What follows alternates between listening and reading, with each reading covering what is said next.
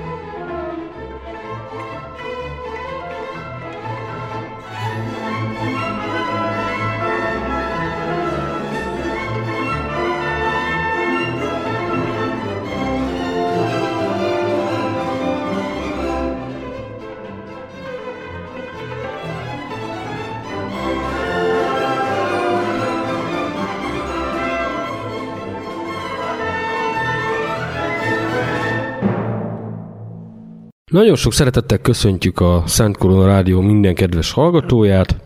Ez itt a Hadakútján című hadtörténeti beszélgetős műsorunk, soron következő 107. adása. Vendégem a Katpolbogról érkezett, virtuálisan integet nektek. Sát üdvözölhetem a stúdióban. Üdvözlöm a kedves hallgatókat. Megpróbálkozunk most egy olyan témával, hadtörténeti, meg egyéb szempontból foglalkozni, ami a nemzeti oldalon, meg úgy általában a politikában, biztonságpolitikában, hogy úgy mondjam, minden egyes napra biztosítana nekünk témát, ez pedig a közel-kelet, ahol elmondhatjuk biztonsága, hogy több ezer éve nincs béke, laikusok mindig csak legyintenek egyet, hogyha a közel-keletről a híradóban egy újabb robbantásról, merényletről, vagy ezeknek az ellenakcióiról hallunk. Ezúttal is ide kalandozunk el. Az eddigi adásaink folyamán többször megkerültük már úgymond a forrókását, vagy ahogy az egyik szíriai adásba fogalmaztam, a térség ahilleszi pontját, ez pedig Izrael, és az ő hadügyei. De mielőtt még elkezdenénk erről beszélni, föl kéne vázolnunk azt, hogy ez az állam tulajdonképpen hogy jött létre. Hogy vívja mindennapi harcát a létért, saját értelmezése szerint. Megpróbálnánk kicsit jobban belemenni ezekbe a dolgokba, és a torkánál ragadjuk meg a problémát. Pelikán elvtárs. Pelikán elvtárs. Nem is tudom, hogy hol kellene fölvennünk a történet fonalát, melyik században vagy melyik évezredben, mert lesz majd egy adásunk még a zsidó háborúról is. Igazából ilyen messzire visszanyúlnak ennek a problémának a gyökerei. Az, hogy Izrael állam létrejöhetett a háború után 1948-ban, ahhoz azért végigjárt egy utat a térség, amely szintén nem volt mentes konfliktusoktól, összetűzésektől, merényletektől, ellenmerényletektől, felkelésekről, illetve, ahogy te fogalmaztál, coin akcióktól. Ez így is volt. Lényeg a lényeg, hogy a cionista mozgalom a 19. század második felében jött létre. Hasonlóan egyébként számos nemzeti mozgalomhoz Európában. Igen. A 19. századi nacionalizmusnak ez volt az egyik leágazása. Ami zsidó megfelelője. Effektíve igen, tehát a célja az az volt, hogy az alapvető nacionalista értékeket a zsidóságra is átültesse. Az egyetlen fő probléma az annyi volt, hogy a zsidóknak nem volt egy saját államuk. És a korai cionizmus irányzatában még megoszlottak a vélemények arról, hogy hol kéne létrehozni ezt az új zsidó államot, de vallási kötődés miatt mindvégig a nyerőló az, az akkori Palesztina volt. Vagyis a bibliai zsidó területek. Ezt nagyon szépen tetszett megfogalmazni. Ami ekkor az oszmán birodalom része volt. A térség többi állammal egyetemben. Az első cionista telepet 1878-ban létesítik, ez Petaktikva volt, és az első úgymond bevándorlási hullám, Alia hullám, ez 1882-ben indul. Két bevándorlási hullámban kb. 30-40 ezer zsidó érkezik, főleg az akkori cári Oroszország területéről. Arról vannak adataink, hogy körülbelül Palesztinában ekkor mennyien éltek? Az első bevándorlási hullám előtt kb. 450 ezer arab élt, keresztények és muszlimok vegyesen.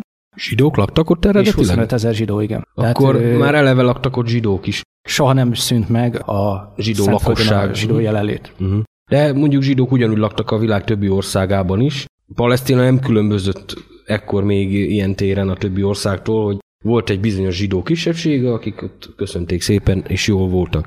Még így műsorunk elején azért egy pár szót ejtsünk arról a néhány tévhitről, amely a térséggel kapcsolatban a közvéleményben igen makacsul tartja magát, és amihez képest az igazság, mint oly sokszor máskor, teljesen más. A korban ide tartozó tévhit az az lenne, hogy a cionista mozgalomnak volt egy ilyen jelmondata, hogy a föld nélküli népnek a nép nélküli földet, ők gyakorlatilag Palesztinát mint egy lakatlan területnek tekintették, a probléma ugye az az volt, hogy itt ekkor közel félmillió palesztin, palesztin arab élt, Igen. akik bizony ezer szállal kötődtek a földhöz, ahol generációkra visszamenőleg éltek őseik.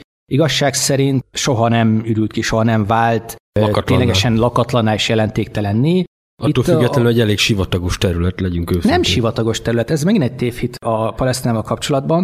A jelenlegi Izrael területét megnézzük, a déli terület, tehát a Negev, valamint Cisziordániának a, a Holt tenger felé eső része. Térképeket elő, kedves a, hallgatók, igen. Ténylegesen sivatagos területek. Viszont északi rész, tehát Galilea, illetve Cisziordánia északi része, a, a tengerparti sáv Jaffától fölfele, ezek igenis termékeny és zöld területek. Mediterrán, gazdagon termő terület. Sosem volt ez sem lakatlan, sem sivatag. Értem.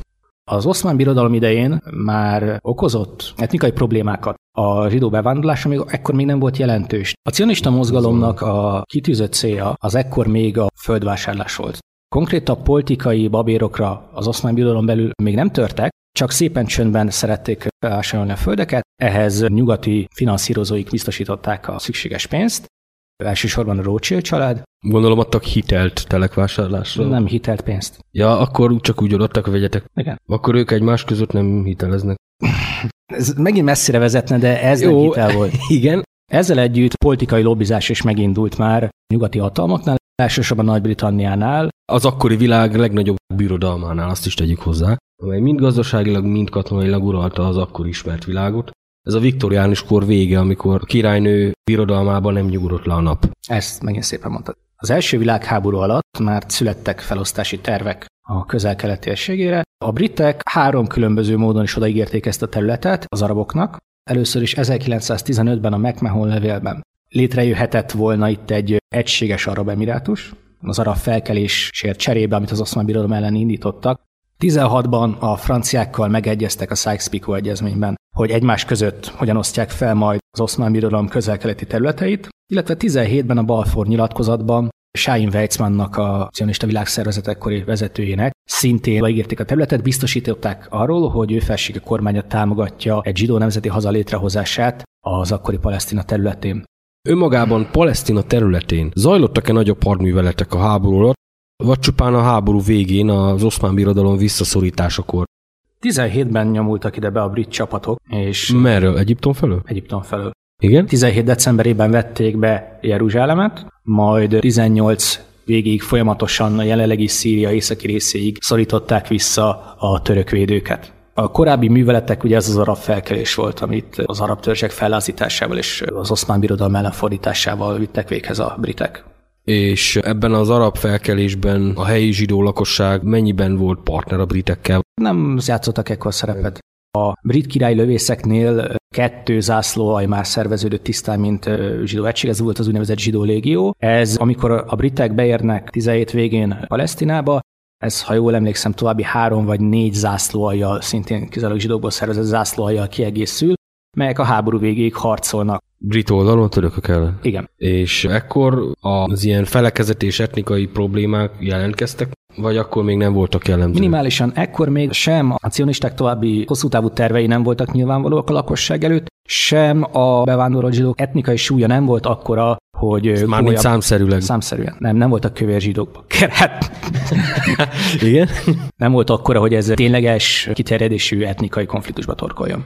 Akkor folytassuk a, az oszmán korszak végével, is a brit mandátum terület, mint államszervezet működésével, amely, jól tudom, a második világháború végéig, az egészen 1948-as Izrael állam kikiáltásáig fennállt. Hogy tekintettek a britekre, az arabok és a zsidók az új felosztásban? Ennek később lesz jelentősége. Ugye a britek nem titkoltan erősen támogatták a cionista mozgalmat, ennek egész egyszerűen a nemes jelszavak mögött az volt az oka, hogy a brit birodalom mindig az oszd meg és az uralkodj alapelvét vallotta. Igen. Itt szerencséjükre létre lehetett hozni egy olyan zsidó kisebbséget, akinek a pártján sakban lehetett tartani, meg lehetett osztani a vele szemben álló arab többséget. Vagyis egy szervezet kisebbséggel a relatíve szervezetlenebb többséget, és ezáltal egy ilyen katonai uralmat föl lehetett tartani ezen a területen? Viszonylagos uralmat, igen. A briteknek két okból volt igazán fontos Palesztina területe. Egyrésztről közel volt a Suezi csatorna, amit nem ártott a másik oldalról, tehát Egyiptom az övék volt, másik oldalról is levédeni. Másrésztről az Irakból irányuló olajvezeték ezen a területen ment keresztül és csatlakozott a hajfa kikötőjéhez. Ez már akkor létezett ez az olajvezeték? Pontosan nem tudom, de a mandátum területén ez már üzemelt. Valószínűleg egyébként a mandátum ide a épült meg, tehát az iraki Igen. olajat itt vezették keresztül. Tehát ez két igen fontos szempont volt. Továbbá azért a briteknek volt valami azért szentimentális kötődésük szintén Jeruzsálemhez. Akkor egy pillanatra körülnézhetnénk innen Palesztinából, hogy milyen szomszédok jöttek létre az oszmán birodalom szétesése után. Ez azért kérdezem, mert az előbb beszéltünk erről a 1923-as békekötésről a törökökkel, amely lényegében a brit-palesztin mandátum terület mellett Szíriát meg még egyéb államalkulatokat is létrehozott Palesztina környékén. A térség térképe ekkor úgy nézett ki, hogy Egyiptom ekkor brit befolyás alatt létezett, mai határain belül.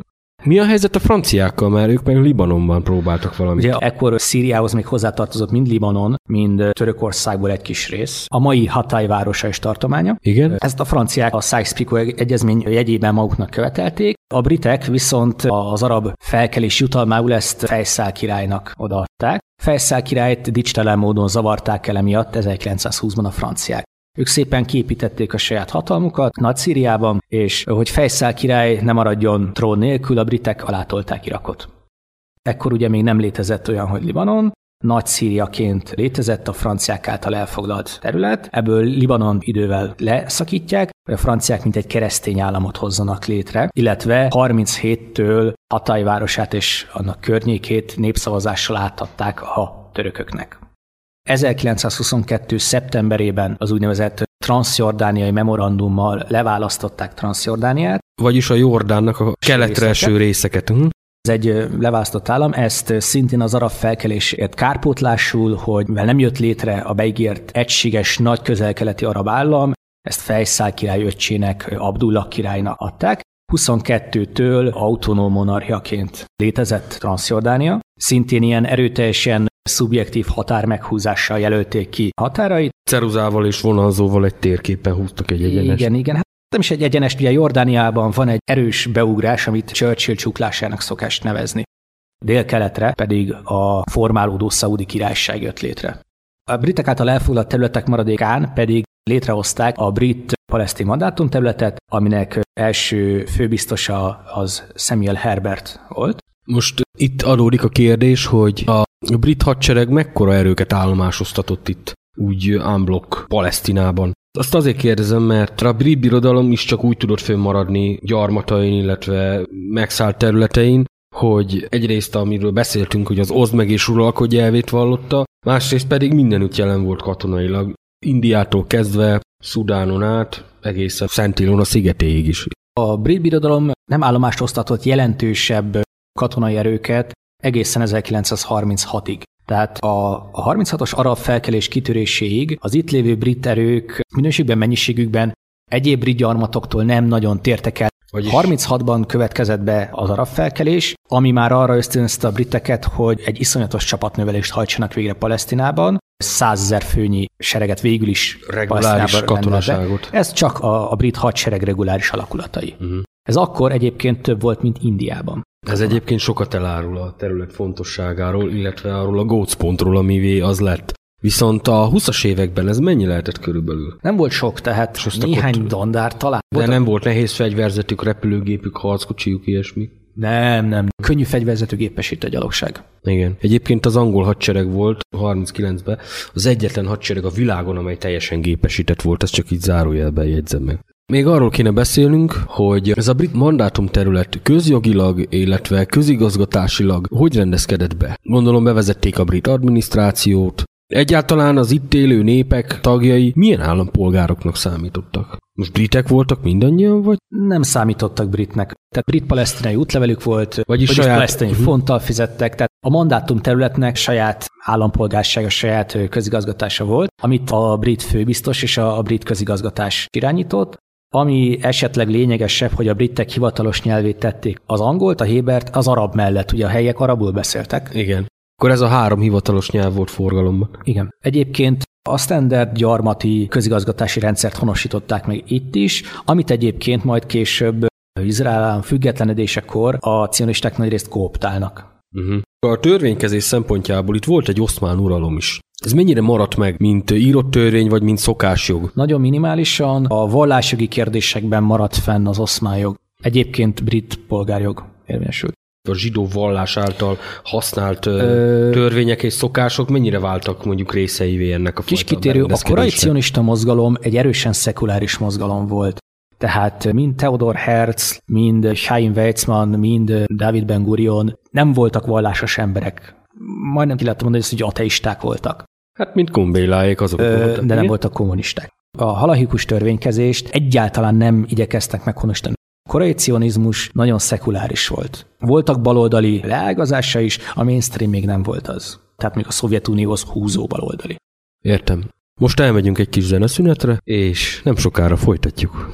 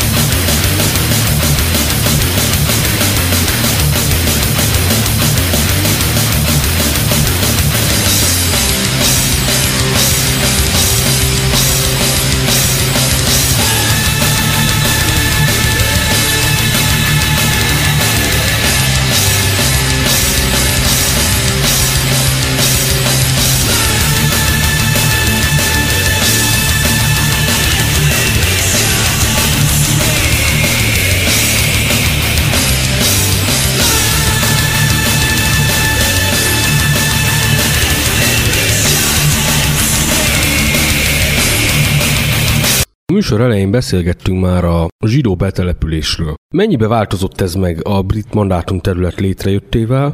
Itt elsősorban évszámokról és létszámokról, kvótákról, meg egyéb célkitűzésekről kellene beszéljünk. A brit uralommal együtt a betelepülők, az aliázók száma igencsak megugrott, és gyakorlatilag egy évről évre növekedő tendenciát mutatott. 1927-ig kb. 67 ezer zsidó telepes érkezik az akkori mandátum területére, és ez egyre inkább megugrik. A 30-as években évi 30 ezer, majd 34 ezer, majd akár 45 ezer betelepülőről is be lehet beszélni, és ez a iszonyatos mennyiségű betelepülő, ezzel együtt a palesztinoktól ekkor már elvett földekre telepítik le ugye őket, és létesítik a telepeiket, a nevezett kibucokat. Igen komoly ellenérzéseket váltott ki a palesztinokból, Először 20-ban, majd 1921-ben törnek ki zavargások, majd egy igen komoly zavargás tör ki 1929-ben, ami átcsap a hebroni mészárlásba. Erről majd később beszélünk. Azt lehet tudni, hogy földrajzilag honnan jött ez a sok betelepülő? A túlnyomó többségük, a 75%-uk legalább, de inkább több, az akkori Oroszország területéről, illetve az akkori Lengyelország területéről. Tehát a, a német, a brit és egyéb Amerikai, francia. amerikai, francia, ezek igazából futottak még kategória. Uh-huh. Az akkori Oroszországban ugye benne volt Ukrajna is. Fontos Igen, tenni. mindenféleképpen. Meg 1922-től már, illetve 23-tól már lehet Szovjet-Oroszországról is beszélni. Igen. Azon belül is a sztálini Szovjet-Oroszországról. Most abban sajnos terjedelmi okok miatt nem tudunk belemenni, hogy vajon miért menekültek el a legtöbben Szovjet-Oroszországról, illetve Lengyelországról zsidók a brit-palesztin mandátum területre. Viszont a betelepülőknek sem lett jobb sorsuk ezek szerint, ugyanis a helyi lakosság nem fogadta őket lényegében tátkarokkal. Kezdetekben csak szorványos összecsapásokra került sor az arabok és a zsidó betelepülők között. Kezdetek kezdetén, tehát 1907-től már egy ilyen minimális, tehát kb. 100 fő operáló ővédelmi alakulatot a telepesek felállítottak, Ebből lett később 1920-ban a Hagana, a Védelem nevű szervezet, aminek ekkor még csak annyi volt a feladata, hogy az egyes kibucok fegyveres védelmét ellássa, amire a britek nem voltak feltétlenül képesek, és nem is akartak lefoglalkozni, amennyiben ezt a telepesek maguk meg tudták oldani. Folytassuk akkor ezzel a 29-es első nagyobb csörtével, zavargással, ami kitört. 1929-ben már eléggé magasra csaptak az indulatok a palesztin és a zsidók lakosság között. Különösen, ami 29-ben problémát okozott, a Jeruzsálem és a Szent helyek. Jeruzsálemben a templomhegyen áll az egykori zsidó nagy templom, ókori zsidó nagy templom. Igen, amelyet Titus és Vespasianus légiói romboltak le Krisztus után 71-ben, és amiről lesz majd szintén egy külön adásunk nem sokára. Helyén a Szikladóm és az Alaksa mecset, meg szent helyek a muszlimok számára, Ugyanakkor a templom egy oldala az a siratófal, mely szent hely a zsidók számára. Na most a britek fenntartották azt az oszmány törvényt, hogy a templomhegy és környékének a vallási fennhatósága az a, Jeruzsálemi főmufti alá esik, és itt tilos építeni, átalakítani bármit is. 1929-ben viszont demonstratív jelleggel a siratófalnál egy férfinői válaszfalat felhúztak a vallásos zsidók, ugye együtt nem imádkozhatnak. Illetve, ami talán ennél hangsúlyosabb, a revizionista, a cionista mozgalom ifjúsági szervezete, a Betár, szervezett egy nagyszabású tüntetést a sirató falhoz, amiben elég merész és erőszakos jelszavak is elhangoztak, amellett, hogy a sirató falat maguknak vindikálták, mint zsidó emléket. Ezek némi plegykával kiegészülve már úgy terjedt át vidékre, hogy itt kapára kasszára fogva a cionisták el akarják foglalni a templomhegyet. Beleértve az arabok mecsetét is. Igen, a, a szikladómot és az alakszát is, és emiatt igen komoly zavargások törtek ki. A zavargásokban 133 zsidó és kb. 110 arab veszti életét, és külön kiemelendő, hogy Hebron régi zsidó lakosságát, akik ténylegesen ott éltek, nem betelepülők voltak, Igen. és jó viszonyban voltak a környékbeli arabokkal, feldőlt ott arab tömeg őket felkoncolja. Az esetnek igazából nem is ez a elnézést a hallgatóktól viszonylag kis ember életveszteség volt a lényege, hanem az, hogy ekkor tudatosult mind a palesztin politikai vezetésben, mind a cionista politikai vezetésben, hogy itt a békés együttélésnek tényleges jövője nincsen, itt elő vagy utóbb fegyveres leszámolásra fog sor kerülni, és ezért mind a két fél politikai egy militáns irányzatot vett. Mi a helyzet mondjuk a keresztényekkel? Az itteni keresztények, ezek keresztény arabok voltak. Vagyis arabok voltak, csak keresztény vallású. Igen. A palesztinok ekkor nem voltak megosztva vallási vonalak mentén. Tehát a, a keresztény palesztinok és a muszlim palesztinok ekkor nem voltak megosztottak, hanem egyesült erővel tiltakoztak a zsidó bevándorlás, illetve a, a brit gyarmati uralom ellen. Mit szóltak ehhez a fajta vallási provokációhoz, ha lehet annak nevezni, a britek? Mennyire próbálták meg fenntartani a rendet? A 29-es lázadás arab áldozatai azok elsősorban, tehát nagyon nagy többségükben a keménykezű brit megtorlás következtében vesztették életüket. A briteknek ez a szintű feszültség egyáltalán nem volt az érdeke. Mindig is igen keményen és, és vaskézzel sújtottak le az arabok lázadásaira, sztrájkjaira, később majd 36-tól az arab felkelésre. És a zsidókkal nem jártak el ugyanígy? Nem. A cionista mozgalmat ekkora a britek még Egyfajta szövetségesként? teljes ezzel? messzélességgel támogatták, és igen, az arab felkelés alatt szövetségesként tekintettek rájuk, és közös hagana brit katonai alakulatokat is létrehoztak. Akkor ez a fajta együttműködés most már nem csak politikai, hanem katonai szinten is működött. 36-tól, igazából 37-től talán ez átment igen konkrét katonai együttműködésbe. Akkor folytathatnánk ezzel a 36-os felkeléssel. Egész Palesztinára kiterjedő sztrájk és tömegtüntetés kezdődött. Ez békés jellegű volt? Ez még békés jellegű volt az első napig, ahol a, a britek gyakorlatilag végigverték és végiglőtték a tömeget. Első napon már száz fölött járt a halálos áldozatok száma. Ekkor döntött úgy a palesztin politikai vezetés, hogy a, a fegyveres ellenállás útját választja. Na most ez két részről is nagyon ostoba döntés volt, hiába brit elnyomás. Először is nem voltak rá felkészülve. Tehát nem volt megszervezve az a fajta, hogy is mondjam, gerilla mozgalom, vagy akár terrorista mozgalom, ami ilyenkor egy elhúzódó és eredményes ellenállást fenntarthatott volna, tényleg reakcióból csapott át fegyveres felkelésbe. Másrésztről az volt a probléma, hogy túl korán, tehát a rossz ellenség a britek ellen lőtték el átvitt értelemben a muníciójukat, ennek az lett a lényege, hogy a 30-as évben a felkelés miatt egyrésztről a britekkel partner zsidótelepesek felfegyvereződtek, ennek végül a britek egyébként megitták a levét, ellenben a palesztinok lefegyvereződtek, és a fegyveres ellenállásra hajlamos fiatalok vagy elmenekültek az országból, vagy pedig kivégezték őket, mert amikor 39-re már leverték a felkelést, a szétvert politikai vezetés és az elvesztett emberanyag már elég súlyosan számított, és ez befolyásolta a későbbi háború eredményét is. 1936-tól fölfele a britek eléggé komolyan reagálják le ezt a felkelést, Ugye ez lényegében vidéken operáló fegyveres bandák rajtaütéseiből állt maga a felkelés. Kinütöttek rajta? Brit járőrökön, brit járőrökön, rendőrös- rendőrösökön. ö, közlekedési vonalakon, közutakon, vasúton, az olajvezetéken. És nem volt gondolom vezéralakja sem, vagy volt? Egységes vezéralakja nem volt.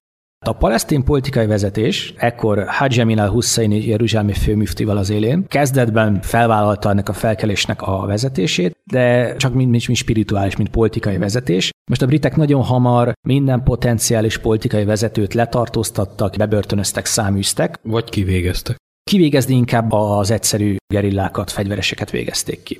Hajj Amin al-Husseinit 1937-ben nem száműzték, ő maga menekült el, mielőtt elfogták volna Libanonba, soha többé nem tért vissza Palesztina területére.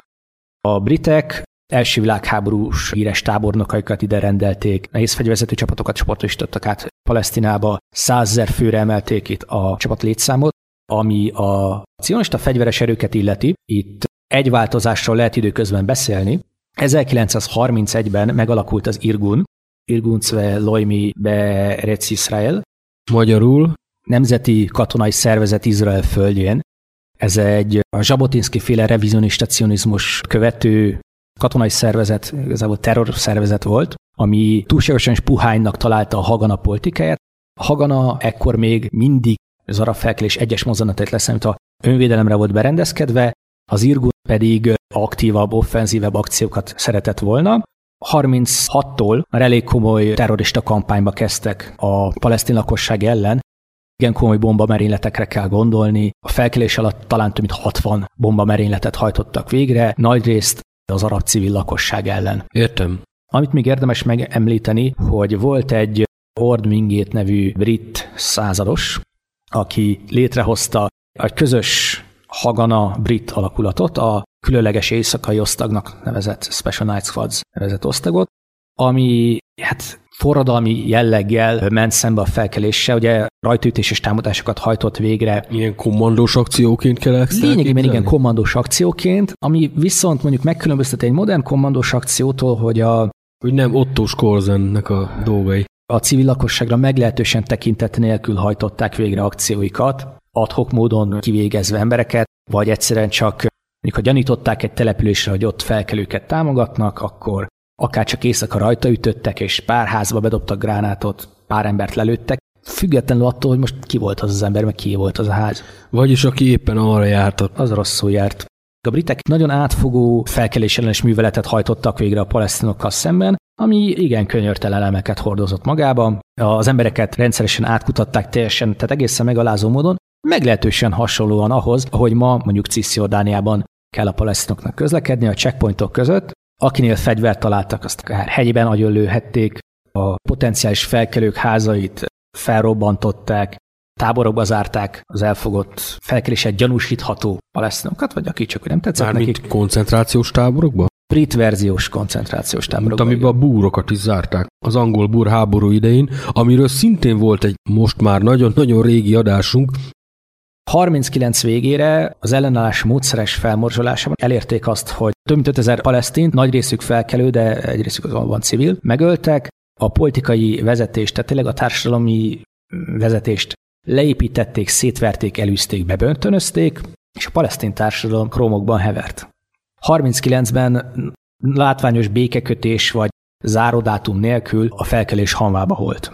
A britek látták, hogy közeleg itt a világháború, és úgy gondolták, hogy az előző három év cirkusz az nem kell nekik a palesztin mandátum területen, ezért az arab lakosság nyomásának engedve korlátozták a zsidó bevándorlást, az úgynevezett fehér jegyzőkönyvvel, the White Paper of 39. Ez volt az, ami az elkövetkezendő öt évre, vagyis 40-től fölfel 5 évre évi 10 ezer főben korlátozta a beengedhető zsidó menekültek számát, egy egyszerű 25 ezres szükségkerettel kiegészítve. Ez a 30-as évek bevándorlási számához képest egy nagyon durva visszavágás volt, és miután a helyiek is értesültek arról, hogy a zsidó lakosságnak Európában bizony nem igazán megy jól a sora a németeknek köszönhetően, Igen. érthető módon fel voltak háborodva, hogy Nagy-Britannia lezárja ezt a menekülési útvonalat. A történelem során, amennyire én tudom, a legnagyobb merénylet, amen a legtöbb zsidó vesztette életét, azt a Hagana csinálta egy szerencsétlen ügy miatt. 1940. november 25-én egy Pátia nevű hajó futott be Palesztinába, fedélzetén 1800 európai zsidó menekült el. A britek a korlátozásra való tekintettel ezt a hajót és menekültjeit át akarták irányítani Mauritiusba. Hogy ez ne történhessen meg, egy Palma kommandó bombát erősített a hajóra, aminek az volt a célja, hogy lényegében a hajó csavart rongálja meg olyan szinten, hogy ez a hajó mozdíthatatlan legyen, ezzel is afelé ösztönözve a briteket, hogy inkább fogadja be itt a menekülteket. A probléma az ott történt, hogy ez a kis bomba, ez nagyobb volt, mint egy kis bomba, és elsüllyesztette a hajót méghozzá igen szép gyorsasággal. Akkor ez túl jól sikerült. És legalább 267 zsidó menekült fulladt a kikötő vizébe.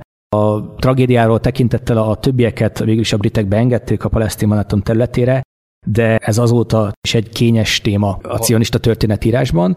Sokáig nem is lehetett tudni, hogy egyébként ez kinek a műve volt, később az a kommandós, aki a bombát felhelyezte, megírta emlékiratait, és hát kiderült, ami kiderült.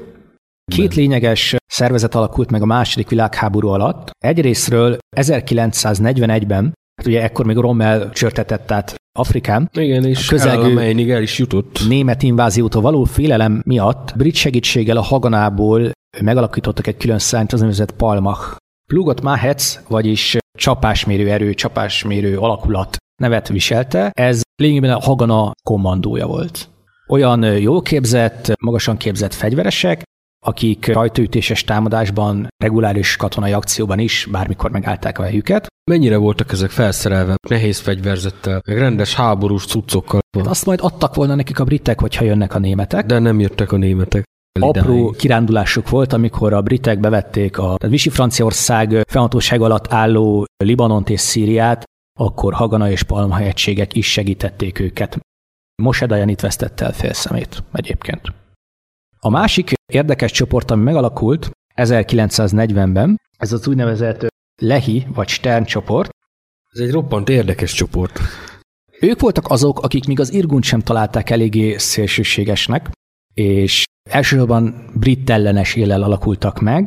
Ezt mondjuk nem értem, hogy miért pont a britek ellen, hisz ők kvázi szövetségesek voltak még ekkor is. A Hagana és a Ben Gurion vezette mainstream cionista mozgalom próbált úgymond együttműködni a britekkel, persze csempészet útján és egyéb titkos utakon kijátszani ezt a korlátozást és behozni a menekülteket Palesztinába. Az Irgun, illetve elsősorban a Lehi, viszont a britek támadásával fejezte ki nem tetszését.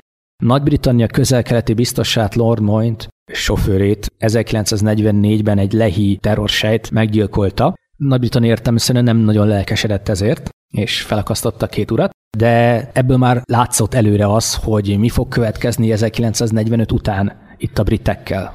Illetve a Lehi egy elhíresült akciójában még a náci Németországnak is szövetséget ajánlott, mondván, hogyha támogatják őket, hogy itt létrehozzák az ő általuk elgondolt ami egy eléggé radikális a zsidó államot, akkor ők hajlandóak a britek ellen harcolni a németek oldalán. Ez mondjuk egy abszolút paradoxon ebbe a korba. Ezt az ajánlatot elküldték az isztambuli német követségre, hát válasz nem jött. Most megint elmegyünk egy kis zeneszünetre, és nem sokára folytatjuk.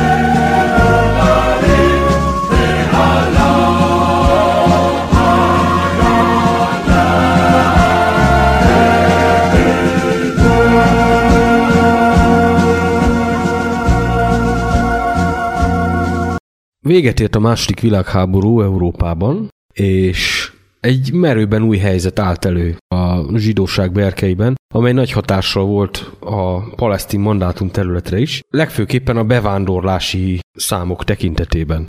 Gondoljunk csak bele, hogy voltak koncentrációs táborok, még hogyha sokan ezt tagadják is. Most ebben nem menjünk bele, ez nem az a műsor, de rengeteg zsidó volt, aki egyenesen idejött Izraelbe ezekből a helyekről. Akart volna jönni.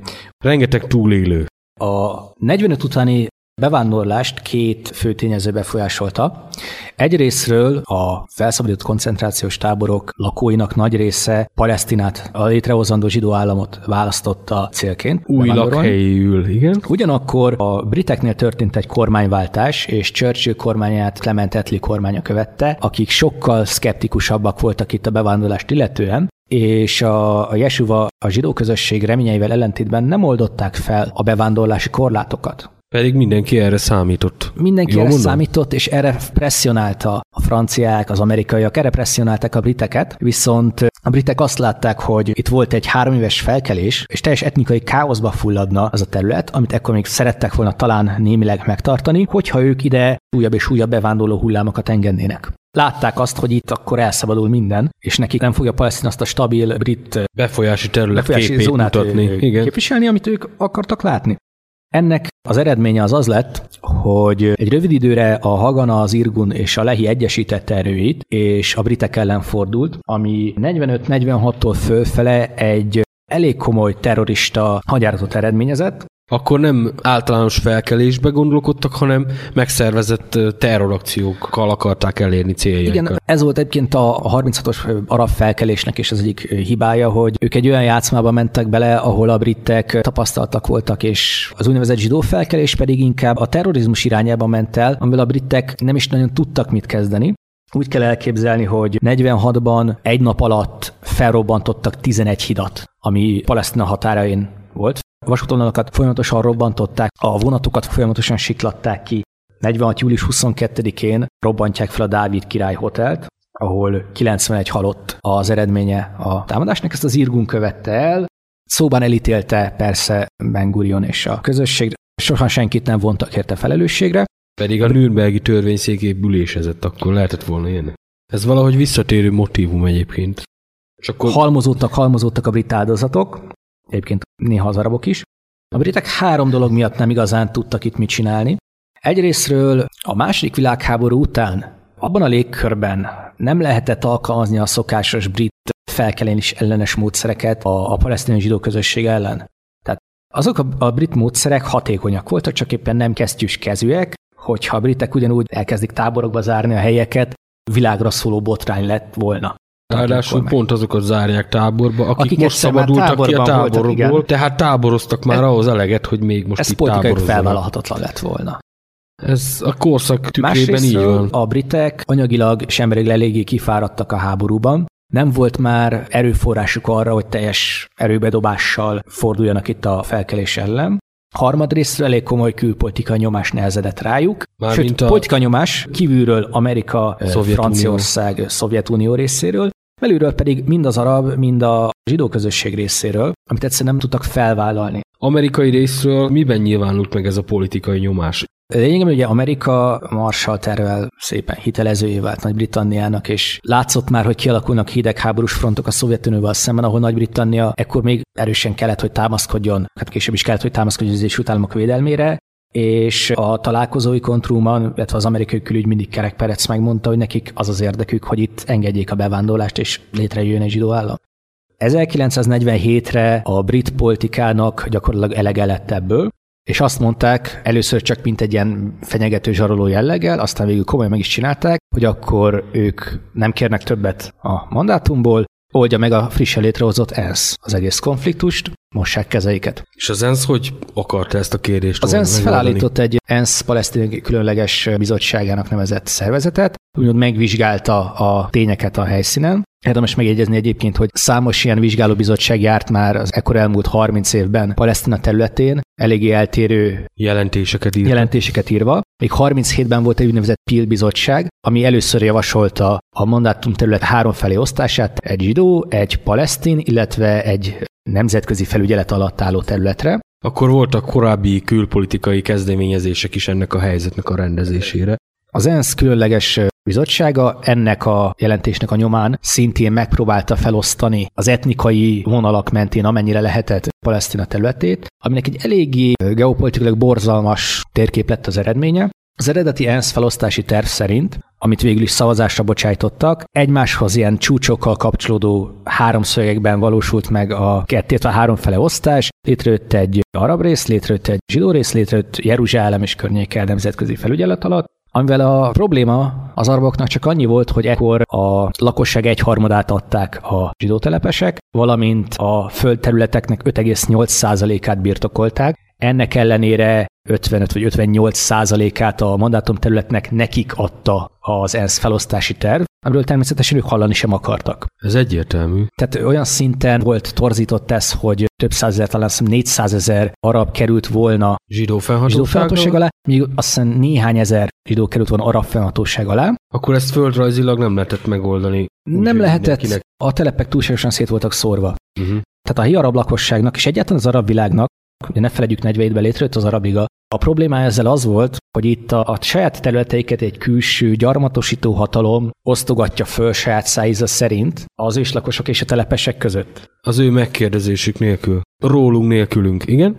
Nagyhatalmak komoly lobbizása után, illetve a, a cionista ügynökség nagy komoly lobbizása után, 47. november 29-én az ENSZ elfogadja ezt a felosztási tervet, ez az úgynevezett 181-es ENSZ közülési határozat, ami általános tiltakozásokat szül Palesztinában, viszont ekkor még ugye nem megy át gyakorlatba. A britek bejelentették, hogy a mandátum az 1948. május 14-ével fog megszűnni, addig folyamatosan vonják ki csapataikat, És adják át az ellenőrzést kinek is? Hát igazság szerint nem volt megtervezve, hogy kinek adják át. Adhok jelleggel, főleg a cionistáknak adták át a támaszpontjaikat, fegyvereiket, időnként az araboknak. Ez az átmenet, tehát Igen. Mindenki örült annak, hogy úgymond sikerült békés módon ezzel az ENSZ közülési határozattal rendezni papíron a konfliktust.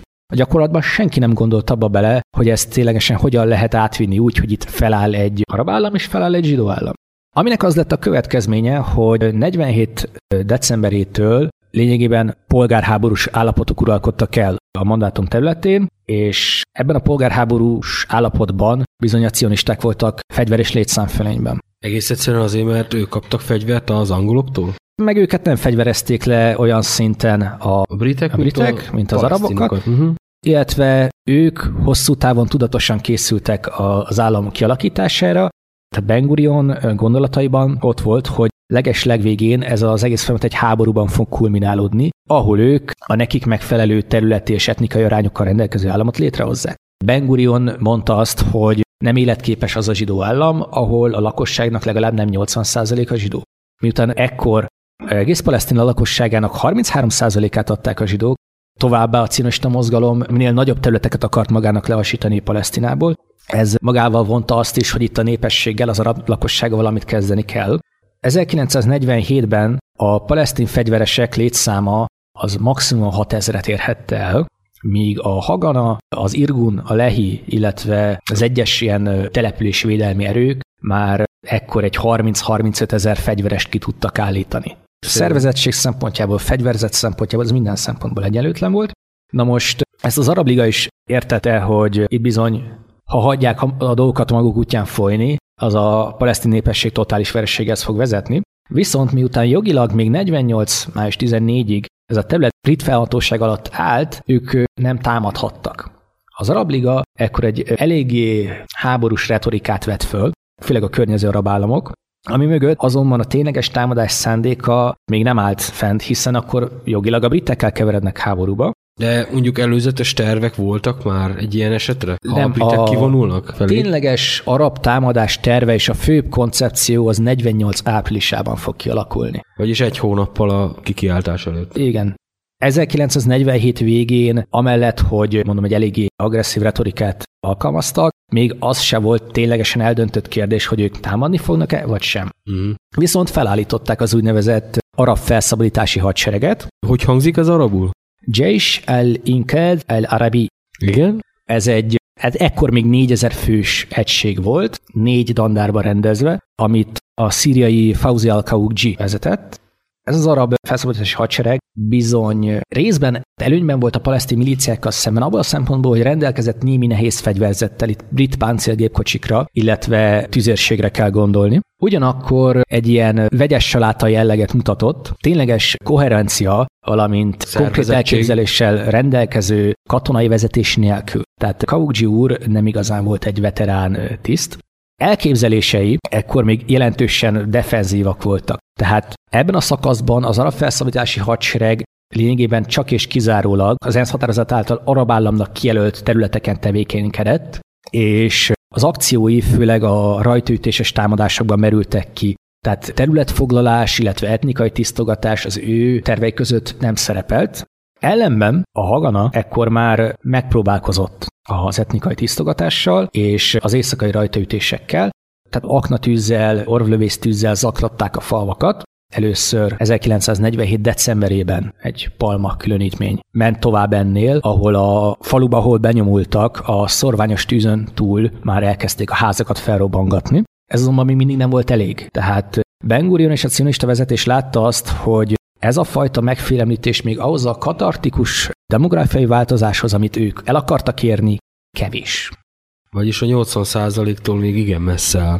Ugyanakkor komolyan vették az arab háborús retorikát, és úgy gondolták, hogy itt amint véget ér a brit mandátum, az arabok támadni fognak, továbbá, ha bár kiváló volt ekkor a, a cionista hírszerzés, eltúlozták az arab hadseregek katonai képességeit.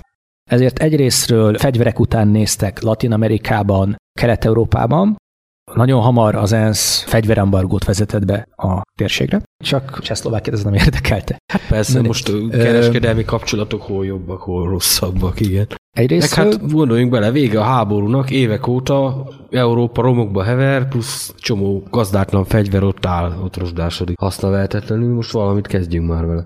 Látták azt, hogy fogy az idejük, és merészebb lépésekre szánták el munkat.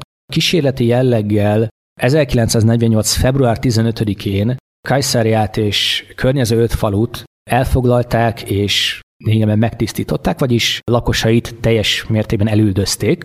Az egyik faluban százában 60-80 körüli embert kivégeznek. Itt hajtották végül az első mészárlást. Ez a fajta akció akkor még, még kísérleti jelleggel ment. Tehát látni akarták, hogy a britek hogyan reagálják le vagyis kitapogatták, milyen a, a, reakcióik vannak, vagy milyen következményeik vannak. Igen, és azt látták, hogy semmilyen következménye nincsen. A britek farccal néztek végig az eddigi csatározásokat is, és igazából azon dolgoztak, hogy ők minél hamarabb angolosan távozzanak a terület. Minél kevesebb vesztességgel valóban angolosan távozzanak. Ennek tanulságával felfegyverkezve megalkották az úgynevezett D-tervet, Plan Dalet, Dalet a Héber ABC névetűje, negyedik betűje. Volt már korábban ugye ABC terv, ebből következőleg, egyre-egyre radikálisabb célkitűzésekkel. A D-terv volt az, hogy ezeket az ENSZ határozat által zsidó államnak kijelölt területeket egyrésztről az arab lakosságától megtisztítsák, az arab lakosságát előzzék, valamint, hogy ezeket egy viszonylag egységes területté formálják, Mármint stabil összeköttetéssel. Hát ezek különálló dolgok voltak. Így plusz... pontszerűen szanaszétszórva? A kibucok igen, tehát zsidótelepek eléggé elszórt és elvágott helyen is léteztek. Maguk az ENSZ által kijelölt területek viszont ugye ilyen háromszög csatlakozási mm. pontokon, ahol egy ponton csatlakozik egymáshoz két arab szektor és két zsidó szektor, ami előre vetíti a, a fegyveres konfliktus csak hát az ENSZ diplomatái ebben nem igazán gondoltak bele, mert ilyen nemes lelkű emberek voltak. Legalábbis annak tartották Na most igen. a másik, amit a, a D-tervhez hozzá kell tenni, hogy a 30-as évektől kezdve a cionista mozgalom nagyon komoly adatbázist vezetett a palesztin falvakról. Kémeikkel, tehát arab szokásokat ismerő arab utazóknak öltözött embereikkel felmérték a palesztin falvakat, egészen pontos részletekig tehát, hogy honnan érdemes megtámadni, honnan nyitott, a falu vezetője Muhtár, hol lakik, milyen klánhoz tartozik, milyen politikai nézeteket val, jóban vannak a környező kibucokkal az arab lakosok, vagy nincsenek jóban, vette valaki részt az arab felkelésben, vagy nem vette részt, mi érték van a faluban, milyen minőségük a földek, nagyon-nagyon pontos adatbázist létesítettek, és magát a, a D-tervet ez alapján ki. dolgozták ki. A D-terv első szakaszában a cél a Tel Aviv-Jeruzsálem korridor uralása volt, Ugye, mint említettem, mind a palesztin miliciák, mind az arab felszabadítási hadsereg az utánpótlási vonalak elvágása révén próbált előnyhöz, előnyhöz jutni, uh-huh. ami főleg a többi résztől távol eső, elszigetelt kibucokat, illetve furcsa módon magát Jeruzsálemet érintette. Jeruzsálembe ekkor eléggé kevés utánpótlást tudott már csak bejutni. Egyetlen út vezetett ekkor még Jeruzsálembe, a tengerparti részről, és ezt ennek környékét az arab milíciák uralták. Április harmadikán egy óriási csata kezdődik Kastel faluért. Ennek Stratégiai fontosságú ennek az útnak az uralásához. Uh-huh. Végül is a Hagana beveszi Kasztelt, az arabok visszaveszik. Ugyanakkor az ostrom során az ekkori tényleges, nem csak katonai, de karizmatikus palesztin katonai vezető, Abdul Kader al-Husseini életét veszti. És április 8-án visszaszerzik Kasztelt a palesztinok, április 9-én pedig elvesztik, mert elvonulnak temetni al-Husseinit Jeruzsálembe, de és nem hagynak elég védelmet a falura, amit egy balma különítmény az a lendülettel visszavesz. Ekkor következik be április 9 év szintén ezen a napon az úgynevezett Derjaszini mészárlás. Ben Gurion az Irgunhoz és a Lehihez fordult, hogy ők is segítség a, a haditervet, ők viszont azzal válaszoltak, hogy segítenek, ha lesz önálló akciójuk, tehát nem hajlandóak Hagan alárendelésben harcolni. Akkor így a zsidó szervezetek köz sem volt teljes egyetértés, vagy egy, hát, egy központi operatív törzs, aki... Ekkor még nem. Nagyon fős rivalizálás volt egyébként az Irgun és a Hagana között elég sokáig. Gondolom a vezető pozícióért, vagy... vagy Máshogy képzelték el a jövőt. Igen, igen. Zöld utat kapnak, és a közelben lévő Derjaszín települést támadják meg. Derjaszín meg nem támadási egyezményt írt alá a környező zsidó településekkel, és nincs arra bizonyíték, hogy bármiben segítette a felkelőket. A hivatalos indoklás szerint is csak annyi volt a Derjaszín bűne, hogy feltehetőleg menedéket nyújt az alapfelszabadási sereg milicistáinak. Feltehetőleg bizonyítani nem kellett, megindult az Irgun Lehi közös támadás. Most ezek az egységek a Haganával ellentétben, főleg a Palmakkal ellentétben nem voltak kőkeményen katonailag edzett egységek, erősen irreguláris egységek. Jellegű. Több mint valószínű, hogy Derjassinnak ugye volt, minden parafalónak volt valamiféle település őrsége, támadókra ez a település őrség visszalőtt. Az Irgun és a Lehi fegyveresei pedig egyrésztről megvadulva az őket ért tűztől, másrésztről ugye, képzetlenségből adódóan nem igazán tudták felmérni a helyzetet, leradírozták ezt a falut. Itt 100-120-170 áldozatról szólnak a becslések. Ezek szinte mind kizárólag civilek, tehát nők és gyerekek. Egy részüket már a falu elfoglalása után lőtték tömegsírokba. Derjaszín azért is fontos esemény, mert a propaganda mind a két oldalon ezt később felfújta és elhangsúlyozta.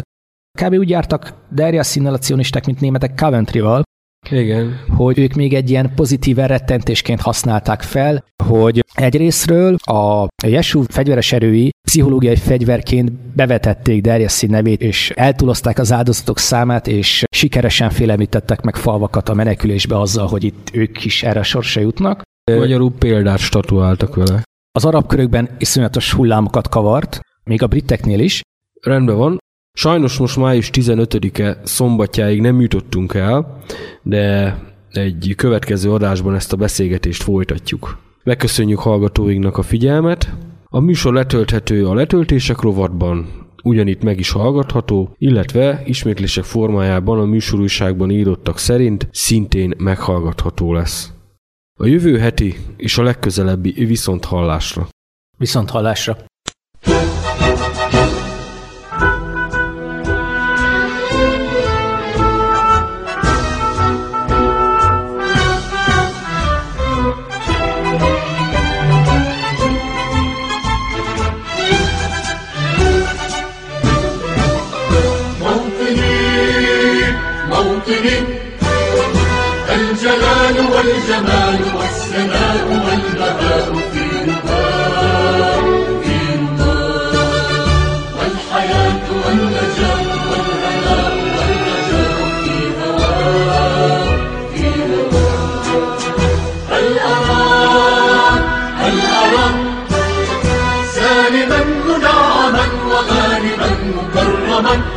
لمن